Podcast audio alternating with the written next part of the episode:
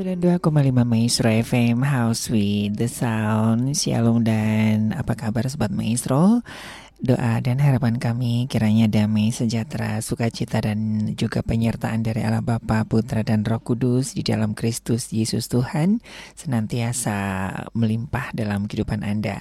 Kembali kita bersama di program Mutiara Sabda ya bersama saya penginjil Ari juga Bapak Pendeta Yaya Purwanto dan rekan Gary kembali menemani kita bersama-sama belajar kebenaran firman Tuhan.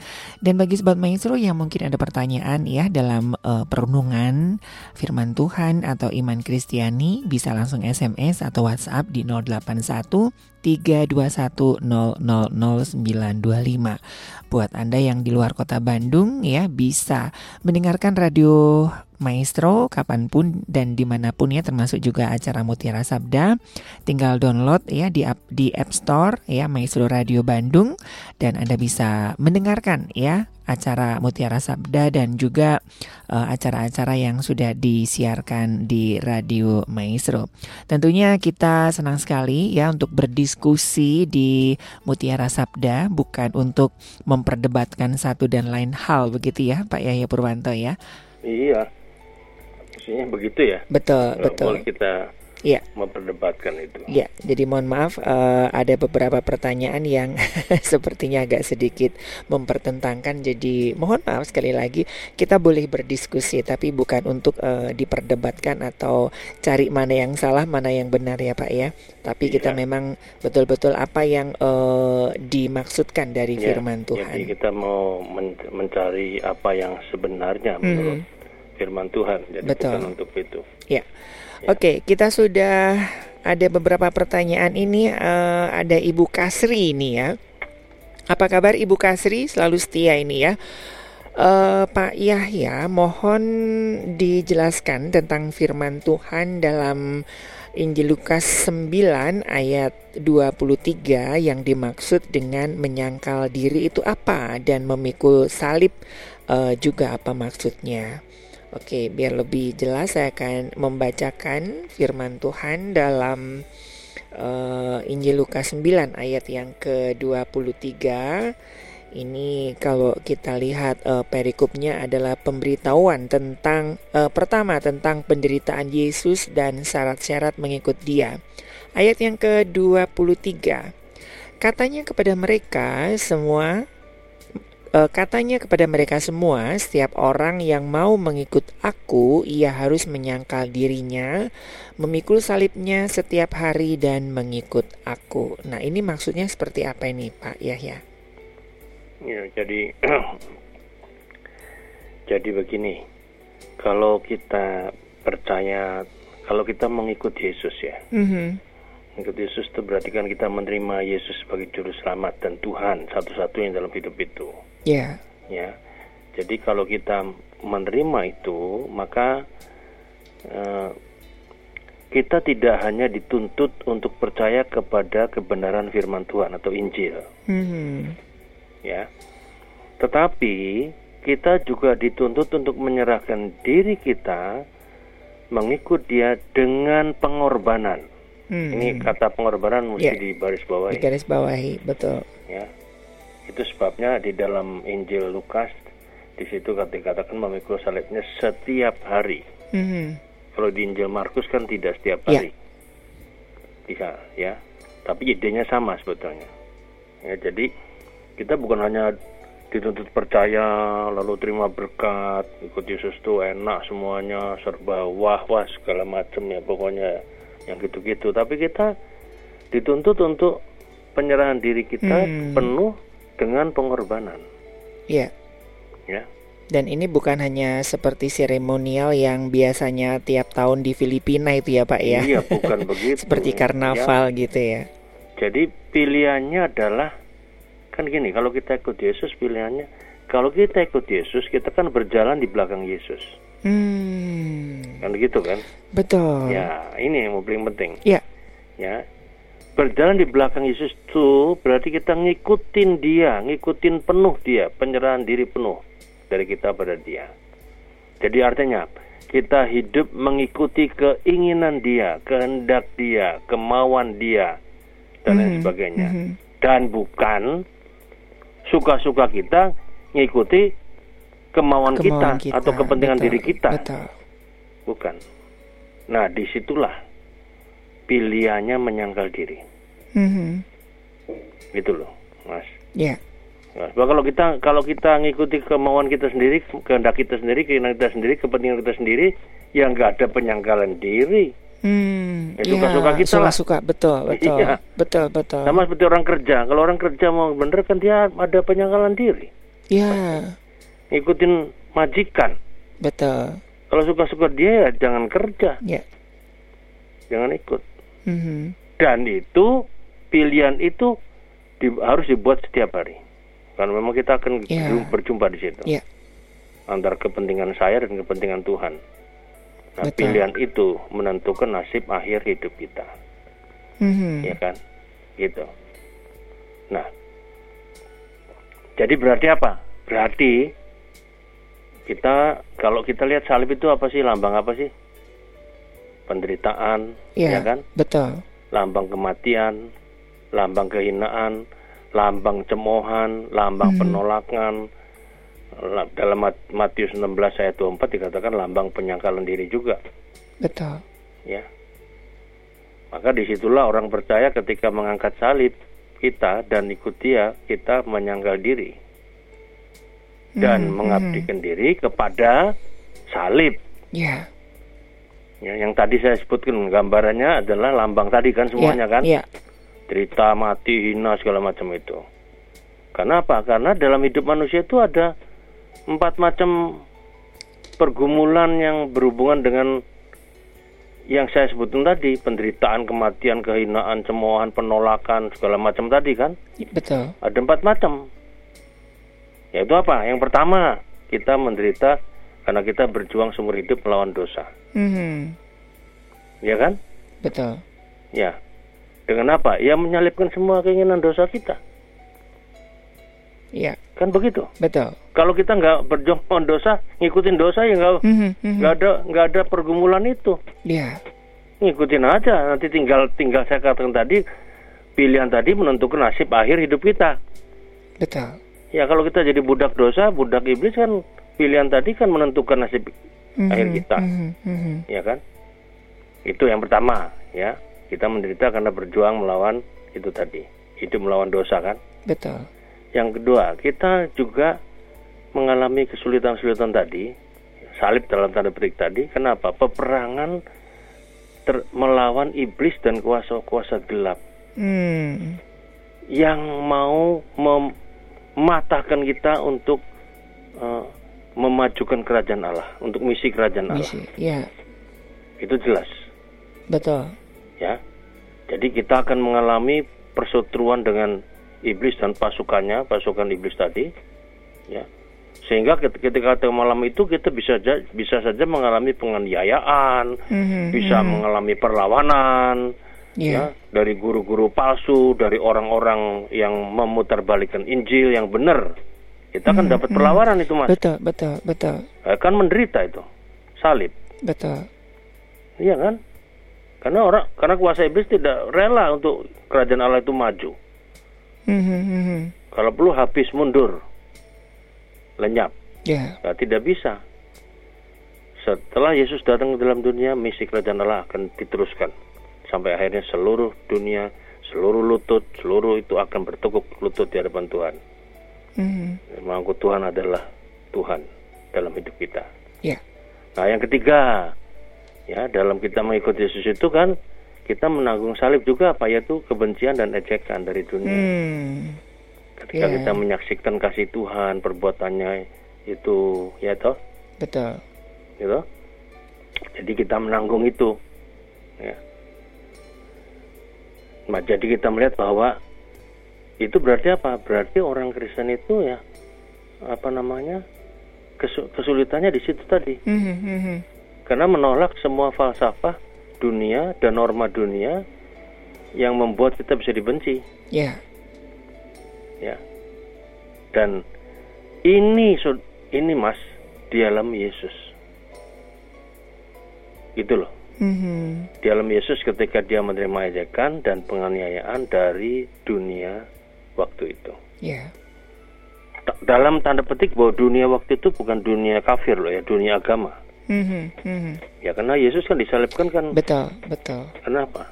Bukan oleh orang-orang Di luar, yang di luar Yahudi agama. itu ya, agama ya, betul, betul. orang di- yang di dalam agama yang di ada agama itu adalah Mhm, agamanya mhm. Yesus sebetulnya. Mhm, mhm. Kan agama itu kan ada. Ya. Dia percaya pada Yahweh kan Yesus juga percaya pada Allah ada semua ada Betul, kan. betul. Tapi orang-orang itu yang justru menganiaya Yesus. Dan Yesus mengalami itu salib itu. Ya. Nah, jadi Mas, itu berarti apa? Berarti kita itu kalau mau ikut Yesus itu betul-betul harus eh, yakin betul 100% Mhm. ya. Jangan sampai nggak yakin 100%. Kalau karena kalau kita nggak yakin 100%, kita nanti akan tidak berani mikul salib dan tidak berani nyangkal diri. Kita ngikutin aja dosa. Ya. Tapi kan saya katakan sekali lagi, pilihan itu menentukan nasib akhir kita. Mhm. Mau masuk ke dalam kerajaan Allah atau masuk ke dalam kerajaan iblis Iblis. Ya. dengan pasukannya, dengan nerakanya semuanya. Mhm. Balasannya itu. Ya kan? Nah, kadang-kadang Betul. kita kadang-kadang kan kita di dalam dunia ini kan sering kali tidak eh, melihat- kegemerlapannya dunia ini kan kita sering kali lupa ini. Ya. Iya. Lupa. Di mana kita nggak mikul salib dan tidak menyangkal diri. Mhm. Kita mengikuti suka-suka kita, kemauan kita, Betul. keinginan kita, Betul. semuanya. Jadi kita itu kadang-kadang jadi orang Kristen sering kali ngikut dia itu tidak dengan pengorbanan diri, Mhm. tidak berani, Ya. ya, Ya. tidak berani, ya, tidak berani ini. Ya. Dan itu adalah menurut saya kekeliruan daripada komunitas orang percaya. Mhm. Kenapa? Karena komunitas orang percaya hanya hanya selalu meng, mengapa namanya men, me- mendoktrinkan di dalam orang-orang percaya ini apa yaitu kalau ikut Yesus itu enak, oh, gembira, bahagia, segala macam, wah semuanya, Ah, gitulah kira-kira yang wah-wah gitu ya. Mhm, mhm. Kegemerlapannya dunia kita dapatkan semuanya, padahal nggak begitu. Ya. Ya memang kita akan mengalami kegemerlapan yang paling gemilang ketika kita ada masuk dalam kehidupan yang Kekal, Kekal. bersama Tuhan ya. gitu Ya. karena kita tidak akan hidup selama di dunia ini dan Hmm, kalau kita hmm. bisa mikul salib nyangkal diri artinya ketika kita menyerahkan hidup kita pada Tuhan untuk ikut dia dengan pengorbanan ya semua kepentingan kita kita singkirkan tapi kepentingan Tuhan kita utamakan ya yang ada dalam firman-Nya maka kita akan bahagia Ya. pilihannya Mhm, Ya. Betul, betul. Jadi yang saya maksudkan ini harus dibedakan antara bentuk penyangkalan menyangkal diri itu kan gini mas kita kan pengennya gini gini gini gini Mhm, gini kan mhm. begitu jadi manusia kan tapi Tuhan mengatakan enggak Ya. Tuhan saya pengen jadi orang kaya Tuhan enggak Tuhan mengatakan enggak begitu kalau kamu pengen kaya kamu mesti memberkati orang Hmm, tapi kan kita nggak mau mhm. memberkati Ya, kita betul. kita nggak mau menyangkal itu Betul. Kita maunya kaya, orang lain miskin silakan. Oh, salahnya sendiri kok. Kita lupa bahwa kita mesti bersedekah pada orang miskin, Mhm. misalnya. Ya, Iya kan? betul. Kan ingat ketika Abraham dipanggil Tuhan, Abraham Ya. dipanggil Tuhan keluar dari tanah perjanjian. Iya kan? Betul, betul. Minggu lalu kan saya khotbah itu di Ya. MGM. Ya. Salah satu contoh itu. Bagaimana dia tidak tahu apa yang terjadi, dia sudah mapan segala macam, suruh keluar. Nah itu menyangkal diri dia. Hmm. Dia mau pikul salib. Tapi memang hasilnya luar biasa ketika dia mikul semua Betul. itu. tadi. Betul. Hasil akhirnya loh, Ya. walaupun dia tidak pernah masuk ke tanah perjanjian. Mhm. Tapi apa? Apa yang disampaikan oleh Tuhan pada dia? Firmannya apa? Kamu akan menjadi berkat. Kamu diberkati supaya Ya. menjadi berkat. Berkat Nah, bagi ini orang Kristen kadang-kadang ya. lupa di sini. Mhm. Kamu diberkati. Tuhan saya nggak mau jadi berkat. Saya mau kaya sendiri. Saya mau Ya. hebat sendiri. Nah, yang nggak boleh. Betul. Nah, itu berarti kita tidak mau menyangkal diri, Mas, kalau gitu. Kalau Iya, cuma pengen iya. berkat aja. Iya kan? Betul, Dan betul. Tuhan kan kita juga bersedekah. Karena orang miskin ada selalu pada kita. Mhm. Lepas dari orang miskin itu mau malas, mau enggak, mau mungkin ngatain kita segala macam. Enggak. Tuhan Iya. mesti bilang kasih. Harus diberikan Betul. bagian itu. Ya. Mhm. Ka- di dalam surat Petrus diulang lagi tuh janji kepada Abraham. Kamu kamu terpanggil untuk menjadi berkat. Eh, kamu dipang- dipanggil untuk memberkati karena untuk itulah kamu dipanggil Diber- yaitu ya. untuk memperoleh ber- Berkat. berkat. Gitu loh. Mhm. Perintahnya dulu memberkati orang. Iya, Nanti ketika memberkati kita di di situlah kita ya. akan dipanggil menja- untuk mendapat berkat dari Tuhan. Mhm, mhm. Ya. Itu Oke. itu maksudnya istilah ini. Jadi kita melihat bahwa ya kita jangan lihat mikul salib dan nyangkal diri. Memang kelihatannya berat setiap hari. Tapi pilihan ini menentukan nasib akhir kita. Ini harus Ya. dicatat ini. Iya, iya. Karena tidak ada orang yang ikut mau ikut Yesus itu, eh, tidak ada orang yang ikut Yesus itu semuanya dapat privilege semuanya, lalu tidak pernah ada kesulitan, tidak Ya. pernah. Selalu harus ada pengorbanan. Betul. Iya, kan tadi saya gambarkan di awal ketika kita bekerja pada majikan, yang ikutin suara ikut Yesus ya ikut itu. Ada yang kita mesti punya pengorbanan, bukan kemauan kita kita ikutin. Iya kan? Betul. Tapi pilihan itu menentukan nasib Iya. akhir. Orang yang bekerja tadi, kalau kita ngikutin apa yang jadi kepentingan Tuhan, kehendak Tuhan kita jalankan, kehendak majikan kita jalankan, ah, kita akan mengalami kehidupan yang enak. Kan begitu, Betul. ya kan? Jadi ini ini yang mau saya tekankan. Mhm. Ya. Oke. Jangan sampai kita salah kaprah dengan pikiran-pikiran bahwa ikut Yesus tuh wah enak aja, tentu bahagia aja, padahal enggak gitu. Betul, betul. Kan? Betul. Hmm. Jadi kita lu- lupa tujuan kita yang sebenarnya Pak ya. Kita kan di dunia kan hanya 80 90 tahun ya padahal iya. kan tujuan kita kan hidup hidup kekal bersama Tuhan ya dan Iya, itu menentukan sekali. Kita mau Ya. akan mengalami apa namanya ratap dan kertak gigi yang selama lamanya, ataukah mengalami hidup Mhm, yang sejati, yang sesungguhnya dari Tuhan. Iya kan? ya Sedangkan penjahat aja di sebelah salib Yesus kan itu penjahat loh. Di bagian akhir hidupnya dia sempat berkata Tuhan nanti kalau di sana merindukan itu Thomas. betul, betul. Ingat saya Tuhan. Maka Tuhan katakan hari ini engkau juga ada di paradise, Mhm, di mhm. Firdaus. Ya, Iya bersama aku di Firdaus. Nah itu, betul, betul. itu kan, Betul. ya. Iya. Jadi itu maksudnya mengakal Mhm. diri mengikut salib. Karena ini dalam kaitannya mengikut Tuhan, Yesus. Oke. ya. Oh, Iya, sudah cukup jelas ya buat Ibu Kasri. Terima kasih sudah mengawali eh, apa namanya pertanyaan. Kita ke Bapak Julius Iswanto. Ini agak nyelip ya kemarin pertanyaannya. mohon maaf ya Pak Julius Iswanto ya karena ketumpuk-tumpuk nih. Ini mohon penjelasan dari 1 Yohanes 4 ayat 18. Jadi ini ada dua pertanyaan ya dan eh, Matius 16 ayat 19. Kita lihat dulu ya yang di 1 Yohanes 4 ayat 18. Demikian firman Tuhan. 1 Yohanes 4 ayat yang ke-18. Ini ini tentang eh, kasih. Di dalam kasih tidak ada ketakutan.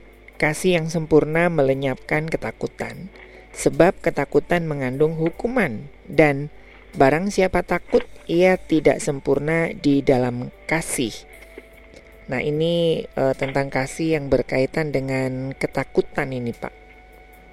Ya itu kan itu kan di bawah judul apa? Kasih kan? Kasih, betul. Iya kan? Sangat jelas itu di dalam eh, surat 1 Yohanes pasal 4 itu itu Satu hal yang sangat indah karena dari awal disebut Allah itu adalah Kasih. kasih kan? Dikatakan. Hmm, orang yang ada dalam kasih selalu itu jadi betul-betul jadi anak-anak Allah kan?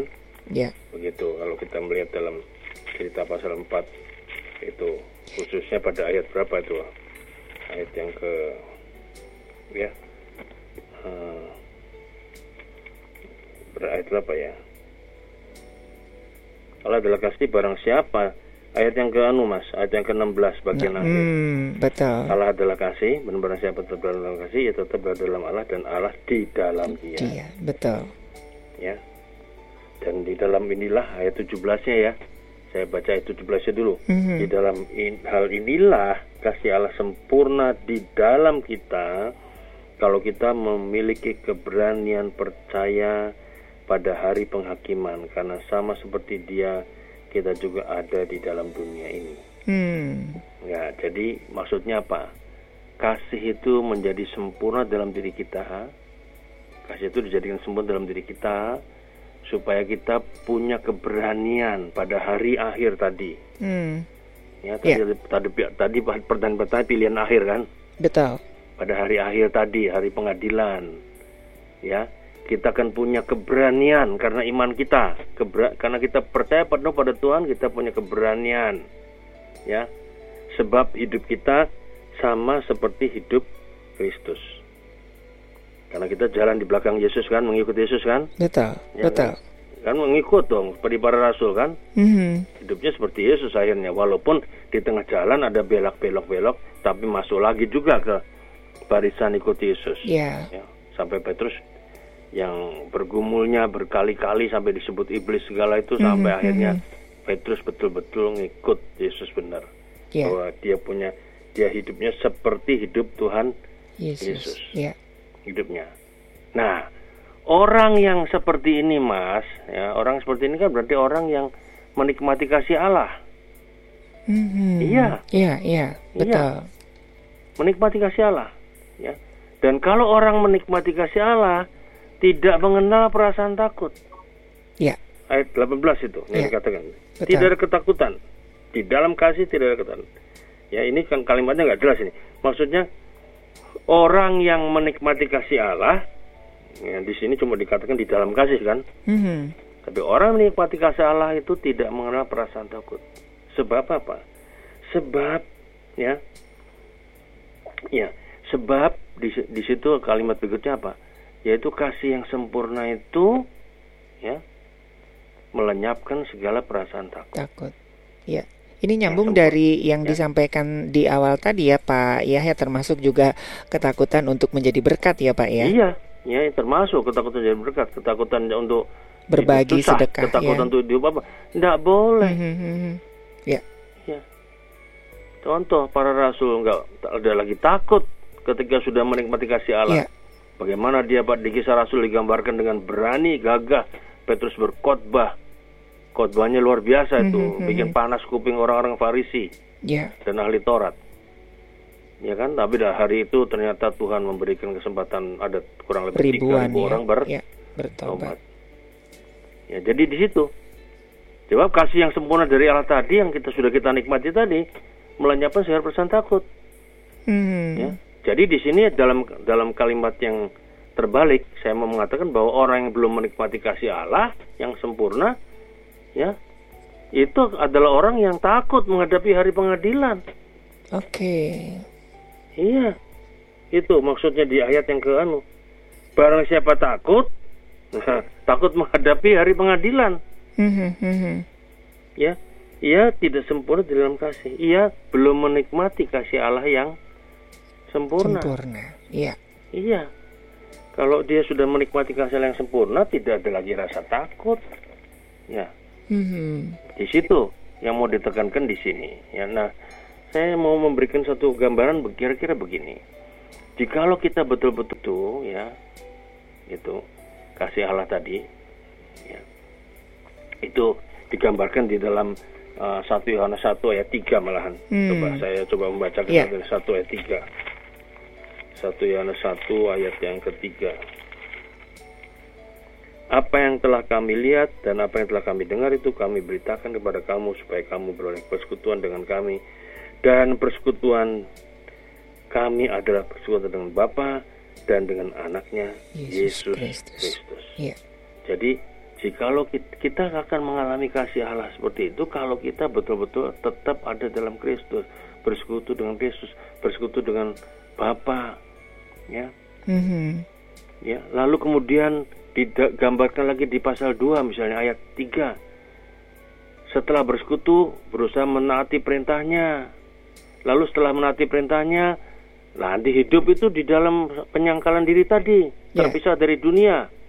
Gak boleh ikut-ikutan dunia, Mhm. ikut-ikutan suka-suka kita, nggak boleh ikut Yesus. ya kan? Dan kemudian pada ayat pasal 2 itu ikut dalam ke, tetap dalam tinggal dalam kebenaran Tuhan. Lalu pada pasal, nah mulai dari pasal-pasal yang dari ayat 7 sampai 12 itu di situ digambarkan mengasihi orang lain. Hmm. Dan kalau kita mengasihi semua itu dapatkan, jadi jadi ada stepnya mas, Ya. stepnya. Orang baru bisa menikmati kasih Allah sempurna itu ketika itu tadi, ya bersekutu dengan Tuhan, menaati perintahnya, Hmm. du- harus pilih dunia atau Tuhan, kira-kira Ya, gitu kan? ya. Lalu kalau sudah pilih itu tetap tinggal dalam kebenaran Tuhan, lalu kemudian mempraktekkan imannya dalam kasih, ya. Nah, kalau sudah gitu, lalu kemudian kita lihat pada pasal 4 ayat 17 18 itu ya. tadi. Ya. Nggak usah takut lagi kalau sudah kayak gitu. Mhm. Kita yakin, ya. Kita punya keyakinan bahwa kita tidak akan mengalami hukuman pada hari pengadilan Tuhan tadi. Ya.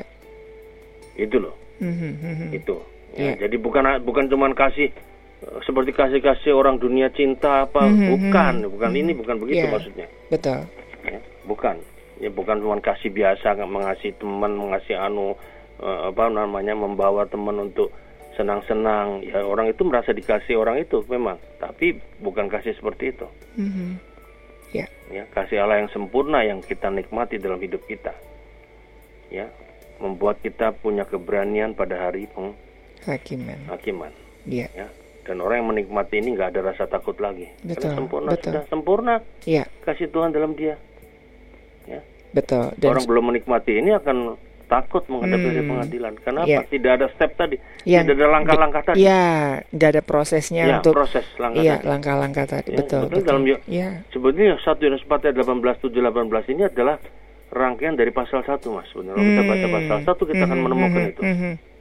Betul. ya ya ada tuntutan kita bagaimana kita terpisah dari dunia milih Ya. ya mau suka-suka kita ikut dunia atau mau kita harus ikut tunduk pada Kristus dengan segala pergumulan dan risikonya yang berat.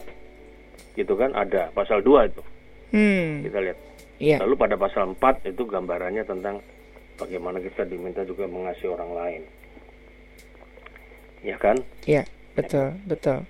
Jadi ini eh, keberanian ini bukan sebuah eh, anugerah ya Pak ya, tapi memang dari proses Ya, step-step ya by harus step ada yang harus di, ada di pilihan jalan. dari kita. Iya, Iya. Itu pada kalau kita baca pada pasal 4 ayat 7 sampai 12 itu kan tuntutannya untuk apa?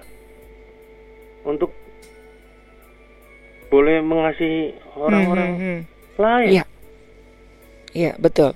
Kalau kita lihat dari kisah nabi-nabi kayak Daniel, eh, Sadrak, Mesak, Abednego itu kan memang stepnya nggak nggak ujuk-ujuk gara-gara kepepet aja ya Iya, Pak ya, karena memang iya. step-step yang disampaikan Pak Yahya tadi ya. Dia tidak ada lagi ketakutan di sana mau dimasukin mana aja tidak takut Mhm, karena stepnya sudah ada Yes. dan dia sudah betul-betul mengasihi orang lain juga sesamanya. Iya. Mempraktekkan. Nah, di situ sudah berarti apa di situ dia menikmati kasih Allah yang sempurna. Mhm. Ya, dalam dirinya. Dan kasih seperti itu melenyapkan segala perasaan takut. Mhm. Itu kira-kira Ya. yang diajarkan kepada kita. Oke. Ya, itu pertanyaan yang pertama ya. Semoga bisa menjawab ya Pak Yulis Iswanto. Kita ke pertanyaan yang kedua. Ini tentang Matius 16 ayat yang ke-19. Ini tentang kunci kerajaan eh, Allah gitu ya. Demikian firman Tuhan, kepadamu akan kuberikan kunci kerajaan sorga, apa yang kau ikat di dunia, di dunia ini akan terikat di sorga, dan apa yang kau lepaskan di dunia ini akan terlepas di sorga. Nah ini seperti apa ini Pak maksudnya? Jadi jadi apa namanya?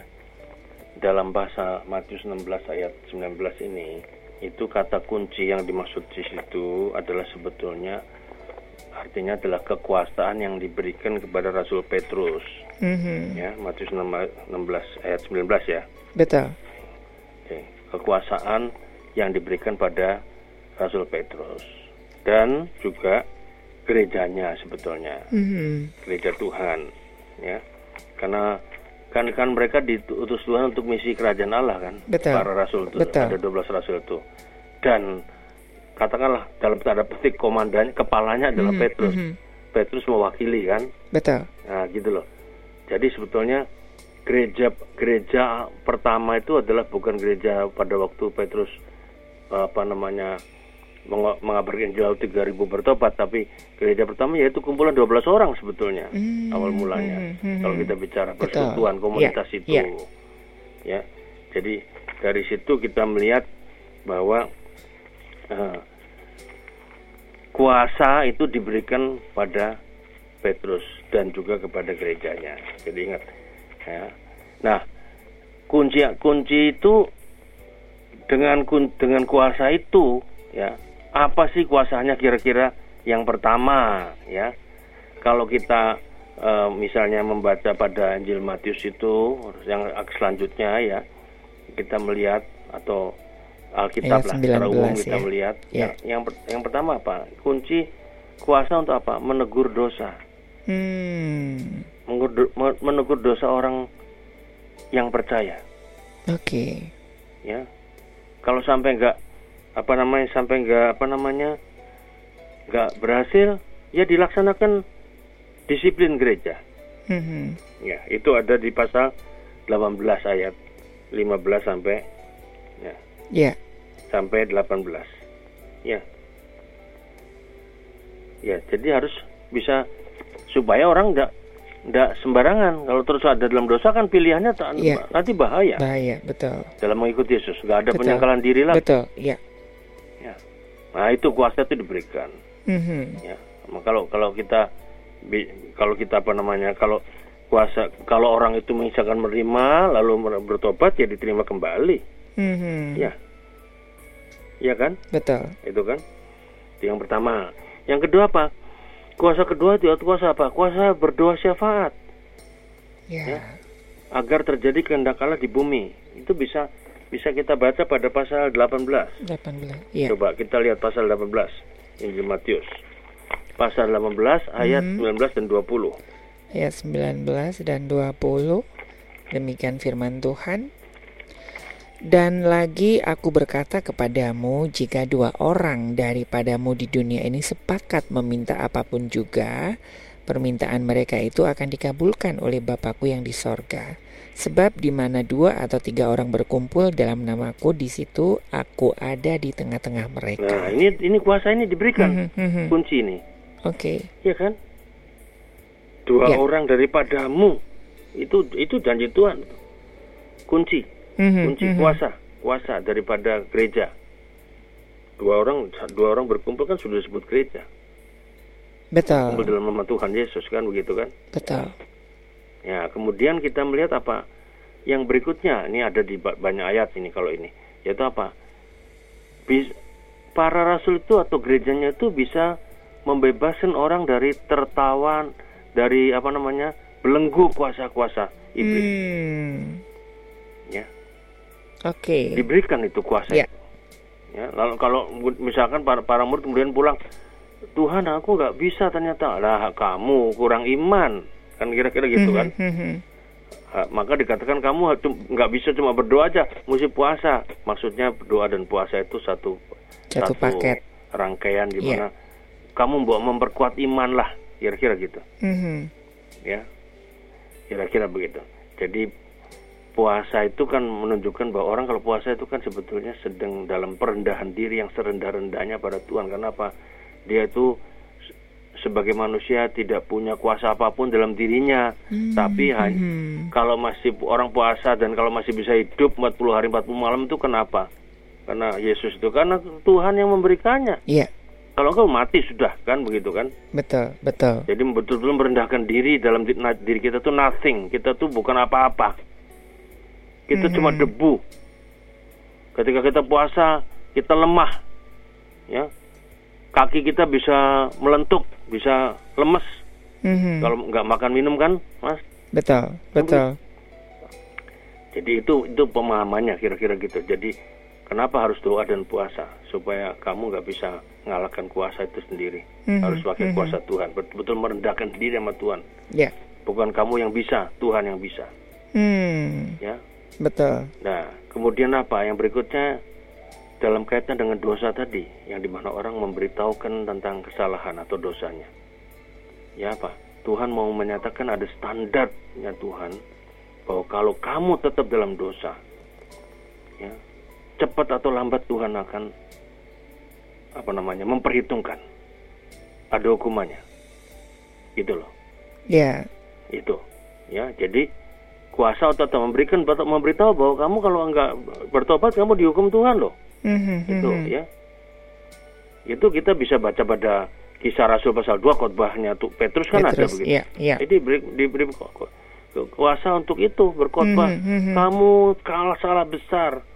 Kamu menyalibkan Tuhan yang nggak salah, ya kan? Kalau mhm. kamu tidak bertobat, hukuman akan datang. Disampaikan itu, Oke. ya kan? Nah, yang berikutnya apa? Yang berikutnya adalah bahwa dengan demikian apa? Itu bisa disimpulkan semua. Berarti apa? Berarti Petrus dan gerejanya, komunitasnya, lalu gereja juga itu berarti apa? Selalu memberitakan tentang kerajaan Allah Hmm. yang isinya apa? Bahwa engkau harus engkau yang berdosa, mari datang, yang lelah mari datang pada Tuhan. Engkau, kalau engkau mau ngaku dosa, minta ampun pada Tuhan, merendahkan diri, engkau akan menerima keselamatan yang sempurna. Iya, Engkau akan masuk ke dalam kerajaan Allah. Itu betul. begitu yang Mhm, mau dikatakan mhm. di sini. Mhm. Itu Oke. maksudnya kun- kunci. Kunci. Ya, Oke. kan? Iya. Ya, Nah, jadi kalau kita kita simpulkan ya tentang masalah apa? Dosa, Hmm. hukuman dan pertobatan lalu masuk keselamatan betul. sebetulnya. Betul. Ini sangat menarik, Pak. Ini saya akan catat ya dari penjelasan Pak Yahya dari pertama tadi ya, menjelaskan tentang eh, salib itu kan berbicara tentang eh, penderitaan dan ternyata Matius 16 ini bisa menjadi jawab kunci jawaban dari dosa, dari eh, membuka belenggu dari iblis gitu, Gereja, Pak ya. ah, itu, itu kan Apa ini nyambung, Pak, untuk korelasinya ke yang disampaikan dari empat penderitaan eh, salib tadi, Pak? iya, ya tentu ada ada Ada korelasinya ada ya. korelasinya. Itu kan Hmm, memang hmm. kita akan mengalami itu semuanya Ya. dalam hidup manusia. Oke. Tapi kalau kita memilih di jalan yang benar, sekalipun sekalipun ketika kita milih itu betul-betul kita merasa salib terbebankan pada Mhm, kita, mhm. betul-betul kita memang harus menyangkal diri kita yang tidak sesuai dengan kehendak kita. Nah, di situlah sebetulnya kita Oke. mengalami sesuatu yang indah di Mhm, hadapan mhm. Tuhan. Oke, Ya. oke, ya Ini Tadi jadi betul. Ya. Oke, semoga ini sudah cukup menjawab Nah, ya. Kalau ditanyakan tadi, apakah kita diberi kuasa? Kita diberikan Ya, kan kuasa, Tadi kan iya. katakan gerejanya diberi. Kan Petrus kan mewakili, Mewakili, kepalanya, ya. mewakili komunitas, mewakili, mewakili gereja pertama. Mhm, mhm. Cuman memang dikasih ke Petrus, nggak nggak semuanya budi nggak perlu kan gitu kan? Ya. Petrus nih loh, aku kasih kamu bersama timmu lah kira-kira gitu, Mhm, mhm. bersama gereja kan? Ya. Kalau sekarang, ya jadi kita sebagai gerejanya juga dikasih kuasa itu, Mhm, mhm. itu, ya. Betul. Ya. Ya. oh, Tapi dengan catatan itu tadi mas, ya. yang berhubungan dengan keberanian percaya Keberanian tadi. dengan Nah, step-step yang disampaikan tadi juga ya, Pak iya. ya. Kalau nggak Oke. itu nggak bisa kita. Betul. Kalau kita kalau nggak kita nggak akan bisa menegur orang berdosa karena kalau kita takut Ya. takut ya, takut nanti gimana, Betul, betul. ya kan? Iya. Tapi kalau kita ada kasih dan menikmati kasih Mhm, Allah yang sempurna, kita nggak pernah orang orang takut harus disampaikan. Betul, betul. Itu malah kalau kita membaca kitab Nabi Yeskiel dikatakan di sana. Hmm, Ya, Betul, kalau engkau betul. tidak menyatakan orang salah tapi engkau nggak menyatakan salah, Dosa itu ditimpakan ke Iya. kita ya. nyawanya akan ditanggung jawab ditanggung jawab oleh kita loh. Mhm, mhm. Tapi kalau sudah disampaikan dan orang itu nggak mau bertobat, kamu sudah bebas Ya. dari tanggung jawab pada Tuhan. Mhm, mhm. Gitu. Ya tapi tentu menyampaikannya nggak sewenang-wenang. Iya. Tadi kan seperti tadi kan saya katakan pada di situ kan, misalkan pada pasal 18 itu ayat 19 sampai apa eh, 15 sampai 18. Mhm, mhm. Bagaimana cara negur orang kan? Betul, betul. Panggil dua mata. Ya kan? Ya. Kalau masih ngeyel-ngeyel, panggil saksi. Gitu kan? Mhm. Ya kalau bertobat jadi terima. Ya. Oke, wah ini Ya. indah sekali ya. Jadi- Jadi, bukan sebuah kebetulan ya. Jadi Ya. selalu setiap eh, mutiara sabda itu dari pertanyaan satu, kedua ke selanjutnya itu kayaknya satu rangkaian gitu, Pak. Iya. ya memang kelihatannya hari ini begitu. Ya setiap, Iya. setiap kali ketemu terhadap kan ada hubungannya. Ya, Kalau kita lihat, memang itu sudah rencana Tuhan lah. oke. Nah, ini ke Pak Wahyu ini Pak, mengenai eh, ini kan beberapa kali Pak Yahya juga sudah eh, khotbahkan ya, mengenai Tuhan Yesus di padang gurun. Sepertinya Tuhan Yesus itu kok nurut iblis gitu Pak. Ya bukan nurut iblis ya. Mhm. Nah, ini penjelasannya seperti apa ini Pak? Pasal, nanti kalau kita membaca Matius pasal 4 ayat 1 ayat 1 coba dibaca Mas. Iya, Coba. Matius 4. Sebentar Pak, ini masih loading. Oke, Matius Matius 4 ayat Satu. yang pertama. Demikian firman Tuhan, maka Yesus dibawa oleh roh ke padang gurun untuk dicobai iblis. Nah, jadi bukan nurut sama iblis. Hmm, Nurut sama Roh Kudus. Oke. Salah kalau nurut sama iblis enggak. Nurut Roh Kudus. Jadi roh ini yang membawa ya Pak ya, Iya, bukan? Ya Yesus Oke. juga Yesus juga enggak karena dibawa ke padang gurun. Ketika kan kira-kira gini gambarannya. Kalau saya dibawa dibawa betul-betul saya bawa Roh Kudus ke padang Hmm. gurun. Di padang gurun itu kan no resources. Ya, Nggak ada sumber apa pun. betul. Nggak ada gersang. Ya toh? Semuanya. Tidak ada sumber apa pun. Kalau kita dibawa ke mall masih banyak resource. Ada toko, ada ini, ada kafe, ada tempat Mhm, makan, mhm, ada mhm. tempat ini, tempat main anak-anak. Kan banyak resource. Menyenangkan kan? Betul. Kalau di padang gurun kan no, no resource ini. Iya. Tapi karena yang bawa roh kudus, ya dia nurut. Inilah Yesus. Mhm. Ya kan? Betul. dia tahu bahwa dia bukan ini pasti maksud ada maksud Tuhan buat saya di sini. Ya.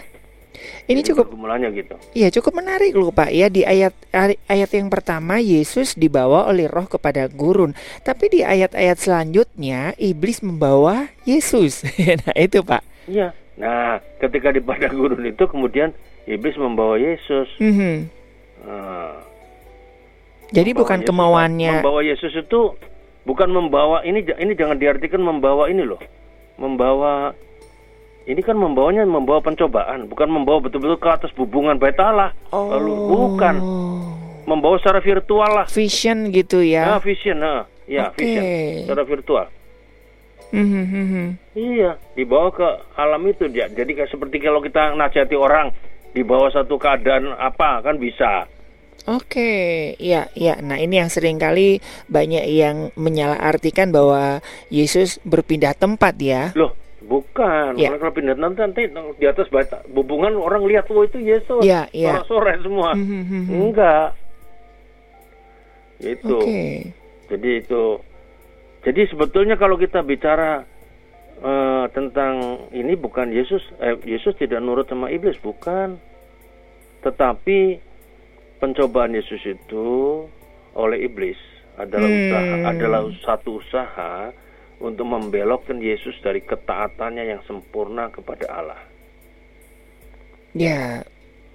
Ya, so- Dan dan coba diperhatikan Mhm. bahwa dalam setiap pencobaan Yesus di ayat 4, ayat 7 dan 10 di situ Yesus tunduk pada kekuasaan firman Allah dan bukan pada keinginan iblis. ya. Ya. Dan dan kita melihat bahwa satu unsur yang penting dalam pencobaan yang dalam Yesus adalah adalah apa? Yaitu berkisar sekit- sekitar gini. Kan Yesus itu datang sebagai apa? Mesias kan? Betul. Jadi pencobaan ini sebetulnya mau mencobai Yesus itu Mesias macam apa dia, Hmm. ya toh? Betul, Ternyata betul. Mesias yang dia dia sudah memakai urapannya ketika dibaptis kan ada pengurapan kan, Roh Kudus Betul, kan? betul. ya. Jadi, jadi dia memakai pengurapan itu yang diterima dari Tuhan sehingga dia bisa apa namanya menjawab semua yang digambarkan iblis kepada dia. Ya. Ya, dari ayat 4, 7, 10 itu. Ada tertulis, ada tertulis, ada tertulis. Ya. Di sini kita melihat apa? Yesus dicobai dengan memakai kedudukannya sebagai anak Allah yang maha tinggi tadi kan. Betul. Ada kan waktu dibaptis kan? Mhm, mhm. Ya, diurapi itu. itu berarti apa? Dia dicobai tidak kemudian memakainya untuk kepentingan sendiri, untuk mendapat kemuliaan. Mhm, mhm. Bukan. Oke. Ya, bukan. Tetapi dia dicobai dalam pengertian bahwa dia betul-betul mau dites tentang kemesiasannya. Hmm. Ya, Itu. oke. Nah, ini ini sekarang saya mau me- mengimplementasikan ini pada kita karena kalau cuma Iya. sekedar ini nggak ada mak- maknanya buat Betul, kita. maknanya apa implementasinya apa yaitu apa jangan salah ini ini juga suatu penggambaran pada kita bahwa seorang Yesus yang adalah Mesias ternyata dia bisa tunduk begitu rupa Ya. nah seharusnya kita juga harus bisa Mhm. kita ini bukan apa-apa loh kita hanya manusia biasa Ya. kalau kita nggak tunduk kepada Roh Kudus dan pada kuasa Allah, kuasa Firman, maka iblis yang merupakan musuh terbesar manusia itu akan mel- melalap kita, menghabisi kita, Mhm. Betul. ya. Karena apa? Karena tadi saya sudah sebutkan bahwa setiap hari kita mengalami peperangan rohani melaw- melawan kuasa iblis kan. Di, Ya. di pertanyaan sebelumnya, Ya. melawan kuasa dosa, ya. Mhm, Dan mhm. kuasa dosa ini tidak nampak, tapi nyata dalam hidup kita. Oke. nggak nampak Iya. Mas. Iya. orang seorang kalau misalnya korupsi kan nggak nampak Betul, betul. menggerus pelan-pelan dalam hidup kita masuk dalam-dalam ya tanpa sadar kita terus kemudian merangsek dalam makin hari makin besar makin besar ketika di titik tertentu kelihatan besarnya baru terbuka Mhm. ya kan kalau orang Iya. mau, mau- masih mencuri seribu kan nggak kelihatan Betul, betul. ketika dia mencuri 100 dia makin berani Mhm. 500 makin berani 1000 Ya. satu juta 10 juta makin berani Ya, dosisnya makin ini ya, Iya. Pak ya, makin meningkat ya. Oke. Nah, jadi kita mau saya mau katakan ini yang terjadi pada kita di Mhm. manusia. Ya. Dan ti- tiga pencobaan tadi saya sudah khotbahkan di MGM kan Iya. pada minggu lalu kan. Betul. Nanti bisa dilihat lagi oleh siapa Sobat ibu Maestro ya. saudara Wahyu kita. Bapak Wahyu, iya. Ya kan bahwa hati-hati dia mencobai kita sebagai orang Kristen, sebagai pemimpin yang sudah punya urapan, punya kedudukan, punya kemampuan. Itu apa artinya apa? Dia kemudian akan menggeser semua itu Hmm, melarikannya kepada kepentingan kita, betul. kehendak kita, suka-sukanya kita, Ya, dan bukan untuk menegakkan kemuliaan Tuhan, Tuhan. dalam hidup ini, iya. dan bukan untuk menyenangkan Allah, Mhm, mhm. tapi menyenangkan diri sendiri. betul, betul. Oke. Itu iblis. Mhm, Dan mhm. ketika kita berkompromi dengan dia untuk kemuliaan kita, kepentingan kita, kesenangan kita, suka-sukanya kita, maka pada saat itu sebetulnya kita sudah Tuhan kita sudah lagi bukan Tuhan, Ya. tapi sudah iblis. Iya. Ya, Oke. kita sudah takluk dalam kenyataan kepada iblis, Mhm. bukan pada Tuhan. Iya. Oke, wah ini indah sekali ya. Eh, ini ada beberapa lagi pertanyaan, tapi karena memang waktu kita sudah habis nih ya, mohon maaf untuk Pak eh, Harli Lindana dan juga buat Pak Agus Lee ya, mohon maaf nanti kita akan bahas di kesempatan yang akan Iya. datang ya. Iya. Iya, iya. Terima kasih Ya, terima Pak kasih, Pendeta. Yahya Purwanto. Baik Terima sobat kasih, Maes. Sobat Maestro Iya. semuanya. Baik Sobat Maestro dari Gera Maestro Jalan Kaca Piring 12 Bandung. Saya penginjil Ari, Bapak Pendeta Yahya Purwanto dan juga rekan Gary Mengundurkan diri dari eh, Mutiara Sabda. Kita ketemu lagi di Mutiara Sabda minggu depan. Tuhan memberkati